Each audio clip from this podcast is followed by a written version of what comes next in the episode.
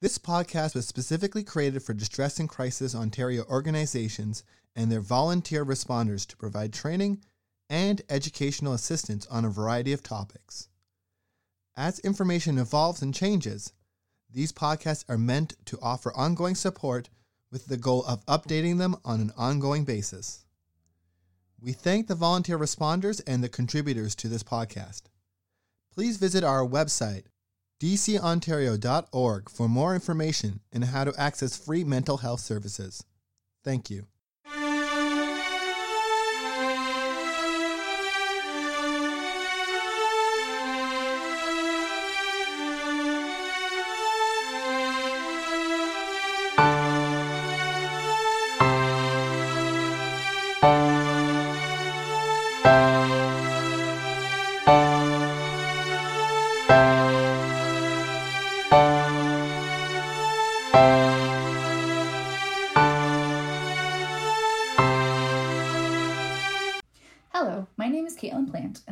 Program Manager at Distress and Crisis Ontario. Thank you for joining us for our podcast. This week, I'm joined by my good friend Ryan to talk about his mental health journey and hopefully help shed some light on some of the challenges men specifically face when it comes to their mental health and the stigma surrounding asking for help. To start off, though, I'd like to do something a little bit different and share a poem that has been meaningful to Ryan. This poem's called The Dash, and it's by Linda Ellis. I read of a man who stood to speak at the funeral of a friend. He referred to the dates on the tombstone from the beginning to the end. He noted that first came the date of birth and spoke the following date with tears, but he said what mattered most of all was the dash between those years. For that dash represents all the time that they spent alive on earth, and now only those who loved them know what that little line is worth. For it matters not how much we own the cars, the house, the cash. What matters is how we live and love and how we spend our dash. So think about this long and hard. Are there things you'd like to change? For you never know how much time is left that can still be rearranged. If we could just slow down enough to consider what's true and real, and always try to understand the way other people feel, and be less quick to anger and show appreciation more, and love the people in our lives like we've never loved before. If we treat each other with respect and more often wear a smile, remembering this special dash might only last a little while. So, when your eulogy is being read, with your life's actions to rehash, would you be proud of the things they say about how you spent your dash? So, Ryan, first of all, thank you for joining me today and being willing to talk about these things with me. And I guess the first question is why does that poem resonate with you so much? Thanks for having me. Uh, this poem resonates with me in a lot of different ways, just from being a better person and living a life that both you're proud of and the people that you leave behind can look back on fondly um, and really understand who you were as an individual um, in all aspects of your life. Uh, I think it's a really great story, and I think um, a lot of people, whether you're dealing with loss or not, should listen to it. So, can you tell us a little bit about your struggles with mental health? Um, my struggles with mental health are varied, um, starting when I was little um, with an abusive relative and suppressing those um, memories until my mid to late 20s.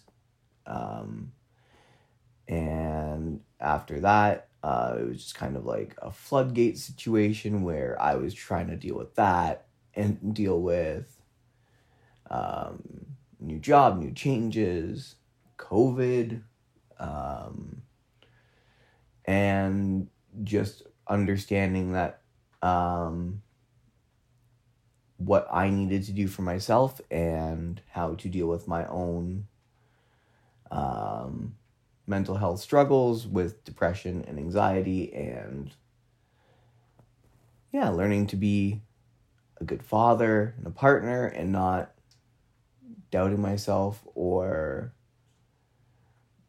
yeah just being scared. And i think being scared was a big one for me and getting through that um, it's been really great. So, what is it in all of those things, it sounds like it's something that, yeah, took you some time to maybe realize what was going on. Um, at what point did you ask for help and, and what was it that made you realize that you needed to? Um, I think the point that I realized is that my partner and I were watching a movie and there was a uh, domestic violence scene in the movie between a father and son. And I had just kind of broken down, and my partner sat, talked with me, and convinced me that it was something that I needed to look into more and find the help that I needed professionally, um, which was an amazing experience for me looking back on it now. Thank you for sharing that with us. I'm, I'm sorry that you had that triggering experience. Um, I'm wondering if you can maybe expand a little bit more on, on why you think it took kind of so long for you to realize that it was important that you seek out that help. Sure. Um, I think initially, probably, it was because that I was afraid of um, that person in my life that I was struggling with. Um, and then throughout my early teens into adulthood, I think I just kind of worked on suppressing that so I could live as normal of a life as possible. Um, and then um, into my adulthood, I met someone who gave me a safe outlet to express my thoughts, feelings, concerns, probably for the first time in my life. And I think that's the biggest reason why I was able to move forward and seek the help that I needed um, because that person made an amazing impact on my life. So, obviously, you're here because you want to talk about these things Sure. and, and you think it's important that we're hearing these stories and sharing them. Um, but why do you think society as a whole still has these ideas that men need to toughen up, they need to quote unquote be a man and and, yeah, and avoid talking about their feelings and and I think what you said there about like this person being the first person who kind of made you feel like you could have these conversations like to me that's that's a problem. So like why to you do you think that this is still such a normal thing to hear from men these days? Um, well, I think it's a conversation that we can start changing for the next generation, our kids and that after, where, I mean, obviously giving them a reason not to be afraid is great, but letting them know that their opinions, feelings, concerns are all valid and will be heard, I think is a huge step towards that. But as for as far as for myself and those older and younger still, um, I think there's a lot of different reasons why we still hear those, you know, toughen up or, you know, be a man sort of things because like for myself, for instance, um, I come from a broken home um, and spent a lot of time, even in my younger years, looking after my younger sister. Um, so already you're feeling like you've been put in that, you know, man of the house position um, where you're already in charge of looking after other people that rather than looking after yourself. Um, and then I think as well as we, you know, grow and get into the workforce, um, you end up in jobs that can be predominantly male driven, like factory work or construction or what have you, where, yes, as much as that conversation about mental health is there, it's there in the background as opposed to the um, the overwhelming amount that's basically just suck it up, you'll be fine, or you know, you're you know, do better or whatever. It's a struggle that I think those older than me will definitely understand, especially in those fields, um, and those currently in those fields that are younger will also understand. Um, I think that moving towards the new generation, though, there's going to be more talk about mental health days, days off, uh, requested time off to deal with these things, and just a more open and understanding workforce as we usher in the new generation for things like that. Mm-hmm. That sounds hopeful. Yeah, it, it's it is hopeful, and it's gonna take a changing of the guard to make that happen, mm-hmm. and it may not pan out the way we all want it to, but any sort of change in that direction can only lead to more change, and that's what I'm hopeful for. So, do you have any advice for any men who might be listening to this podcast right now who they're feeling like they should probably talk to someone, that they probably need some of that help, and they're just not sure how to take that first step? Put your pride aside and ask for the help. Find someone who you trust um, and if you don't have someone in your corner that you can trust, um, there are many great ways that you can reach out anonymously um, and seek help. Um, therapy is great. I mean, I highly recommend it for anyone who is seriously struggling with their mental health and can put that time and energy into it. Hmm. Um, yeah, just you just need to ask because I think you'll be surprised with the amount of people who will listen, whether you currently think they will or not.